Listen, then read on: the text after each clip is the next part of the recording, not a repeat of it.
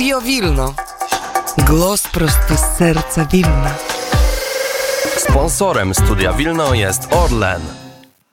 Mieszkam w Wilnie, a czasami myślę, że żyję jak w filmie, jak w kolorowej bajce, szczególnie w okresie przedświątecznym. Dzień dobry, Agata Antoniewicz, witam Państwa. Pan, pań i panów przy odbiornikach radiowych po drugiej stronie. dokładnie tak, świąteczną atmosferę w stolicy tworzy nie tylko choinka, ale także nowe elementy oświetlenia i dekoracje. Świeci jaśniej plac ratuszowy i dosłownie magia i podziw, jak stare miasto potrafi się przebrać na najpiękniejsze święta w roku. Na termometrach y, jest jeden stopień na plusie i na razie chmury, bez wiatrów i bez opadów. I podobno weekend też nie będzie mroźny, więc dość przyjemnie. Zegar wybił godzinę dziewiątą trzynaście, na Litwie dziesiątą trzynaście. Wileński przegląd zdarzeń. Ustawa budżetowa na rok 2024 w tym tygodniu została podpisana. Prezydent Litwy Gitanas Nausėda zatwierdzając budżet stwierdził, że przyjmując e, właśnie ten budżet rządząca większość nie wykorzystała wszystkich możliwości i że zabrakło konsekwentnie realizowanego zobowiązania wobec kwestii dotyczących systemu oświaty, w tym wynagrodzeń nauczycieli. Jeżeli chodzi o obronność, to w 2024 roku budżet budżet Ministerstwa Obrony Kraju wyniesie 2 miliony 2 e, miliarda euro e, i finansowanie ogółem e, obrony narodowej wyniesie 2,75% PKB. Prezydent Litwy docenił fakt, iż przewidziano możliwość zwiększenia środków na potrzeby obronności. W podpisanej ustawie deficyt budżetowy nie przekracza 3% PKB, a zadłużenie sektora publicznego 39,9%. Po zaprzysiężeniu rządu Donalda Tuska minister spraw zagranicznych Gabrielius Landsbergis w odniesieniu do stosunków litewsko-polskich wyraził nadzieję, że wspólnie Polska i Litwa będą patrzeć w przyszłość, aby uniknąć dawnych nieporozumień z przeszłości.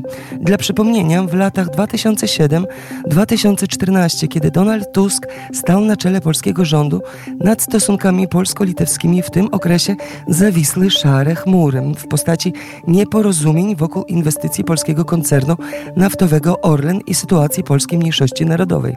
Podczas konferencji prasowej minister spraw zagranicznych Litwy we środę wyraził swoją opinię o doskonałych relacjach ze swoim odpowiednikiem Radosławem Sikorskim. Prezydent Litwy Gitanas Nausėda pogratulował Donaldowi Tuskowi wyboru na stanowiska premiera Polski. Podkreślił, że liczy na ścisłą współpracę Litwy i Polski na rzecz bezpiecznej Europy oraz wsparcia dla Ukrainy. Premier Litwy Ingrida Simonity w swoich wypowiedziach życzy szefowi polskiego rządu powodzenia w realizacji ważnych dla kraju aspiracji, umacnianiu bezpieczeństwa i dobrobytu Polaków oraz wspólnego domu europejskiego. Żydowskie Wilno Jana Buchaka. Świat, którego już nie ma. Taki tytuł ma wystawa otwarta w budynku Ministerstwa Kultury, której najważniejszym kontekstem są zdjęcia przedstawiające historię żydowskiego Wilna. Wystawa jest symbolicznym wyrazem solidarności z Izraelem, który doświadcza obecnie ataków antysemickich. Na zdjęciach wykonanych przez fotografa Buchaka możemy zobaczyć wielką synagogę w Wilnie, fragmenty ulic Zydy, Antokolskisa, zdjęcie uchwycone przez legendarnego wileńskiego fotografa przywracają nas do żydowskiego Wilna z lat 1912-1944, które już bezpowrotnie utracono. Po zagładzie, która w czasie II wojny światowej wyniszczyła społeczność żydowską Wilna, w tej dzielnicy i na tych ulicach właśnie nie było już ludzi. Społeczność licząca około 60 tysięcy osób została dosłownie zmieciona z powierzchni powierzchni ziemi, a wszelkie ślady jej pamięci zostały doszczętnie zniszczone. Jedną z najbardziej bolesnych strat jest Wielka Synagoga w Wilnie. Podczas właśnie otwarcia zaznaczał kurator wystawy, doktor habilitany Arunas Gielunas. Wystawa ta jest właśnie również poświęcona 700-leciu e, Wilna. W tym tygodniu betlejemskie światełko pokoju dotarło na Litwę. W Suwałkach harcerze Związku Harcerstwa Polskiego na Litwie wraz ze skautami litewskimi odebrali je z rąk harcerzy z Polski.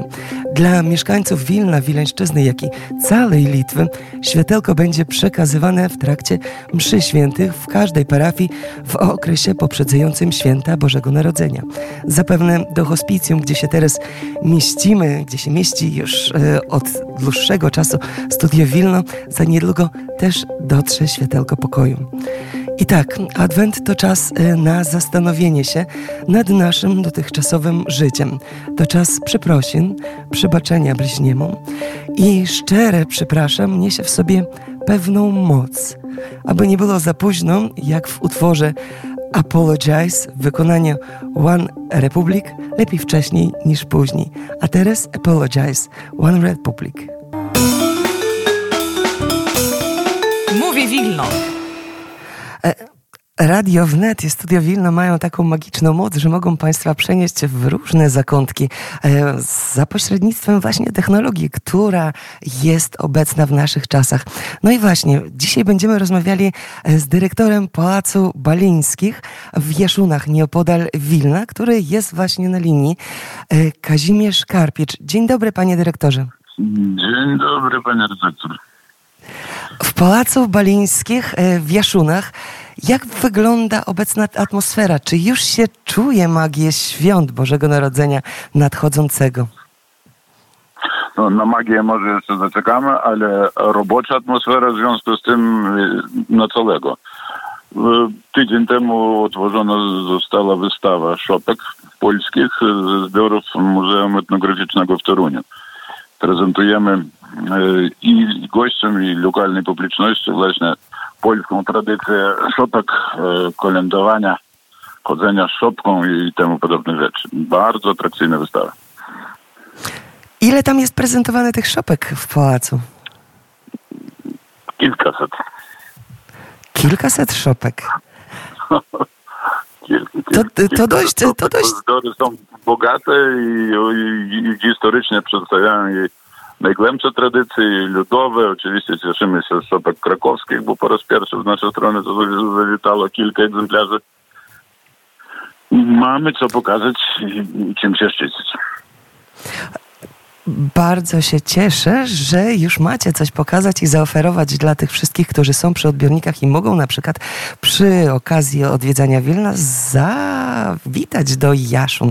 A tak, jeżeli mówimy o Jaszunach, to jeżeli mogłabym poprosić o krótki zarys historyczny, co to jest za pałac, czym się szczyci e, i jego krótką historię, tak żeby mm, w jakiś sposób przybliżyć. No, o ile, dobra, o ile krótko, pałac został wzniesiony w latach 1000 1824-1828. Emerytowany rektor Uniwersytetu Wileńskiego Jan Śniadecki sfinansował budowę nowego domu dla swojej bratanicy Zofii Balińskiej. I Jan Śniadecki od czerwca 28 roku, 1828 do swojej śmierci w 1830 zamieszkał tu na stale i tu w Jasунach pochowany. No to, i to, to stanowi podstawę naszą. Sam pałac zostawał w ręku rodziny do roku 1939. W, w pierwszych dniach wkroczenia Armii Czerwonej do Polski został rozgrabiony. Po wojnie przez dłuższe lata to była mieściła się siedziba lokalnego PGR-u.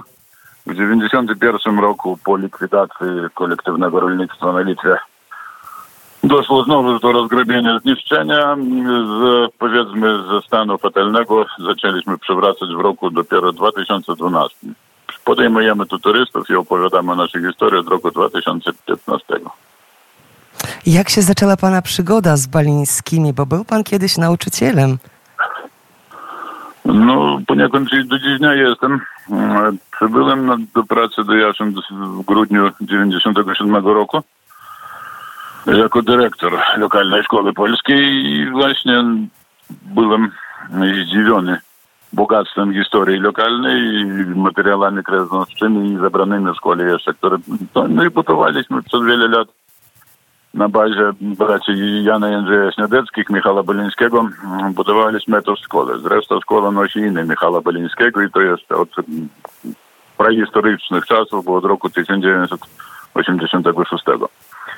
Bazując, poszerzając i systematyzując szkolne zbiory, nawiązując nowe kontakty, po prostu wszedłem w posiadanie pewnych informacji. A od jesieni 15 roku zostawiłem dyrektorowanie w szkole i kieruję, tam powiedzmy, pracami historycznymi i turystycznymi tu w Polacyku. Pan nie tylko kieruje, ale też i bada, bo podobno e, zebrał pan całe drzewo genealogiczne Balińskich e, i utrzymuje kontakty z potomkami danego rodu. No, no, chodzi o to, jak ilość informacji zaczęła być zbyt duża dla banalnego zapamiętywania, to jako, jako matematyk z wykształcenia systematyzowałem. I tak powstało to drzewo genealogiczne, które rozrasta się nadal. Liczymy tam około 2000 osób powiązanych z tym rodem, bezpośrednich potomków Jędrzeja Śniadeckiego jest kilkaset. I cieszymy się, że aż 13 od tego drzewa genealogicznego raczyło w ten lub inny sposób podzielić się swoimi informacjami o rodzinie. Musieliśmy przywrócić do tego odbudowanego domu duch domu rodzinnego i dlatego te informacje o dawnych mieszkańcach są arcycenne. Tak to powstało, bo na żywo nas odwiedzili potomkowie co dotyczy Polski z Warszawy, z Krakowa, z Gdańska, co dotyczy dalszej zagranicy z Kanady i ze Stanów Zjednoczonych. I z, i z Rosji oczywiście. No, Kiedy potomkowie przybywają, właśnie jakimi wrażeniami się z Panem dzielą, jeżeli przybywają? Większość z tych, co przybyli, przybyli po raz pierwszy. Mieliśmy tylko jedną osobę, co widziała nas w pałacu w stanie opłakalnym. No to dla tej osoby to jednoznaczne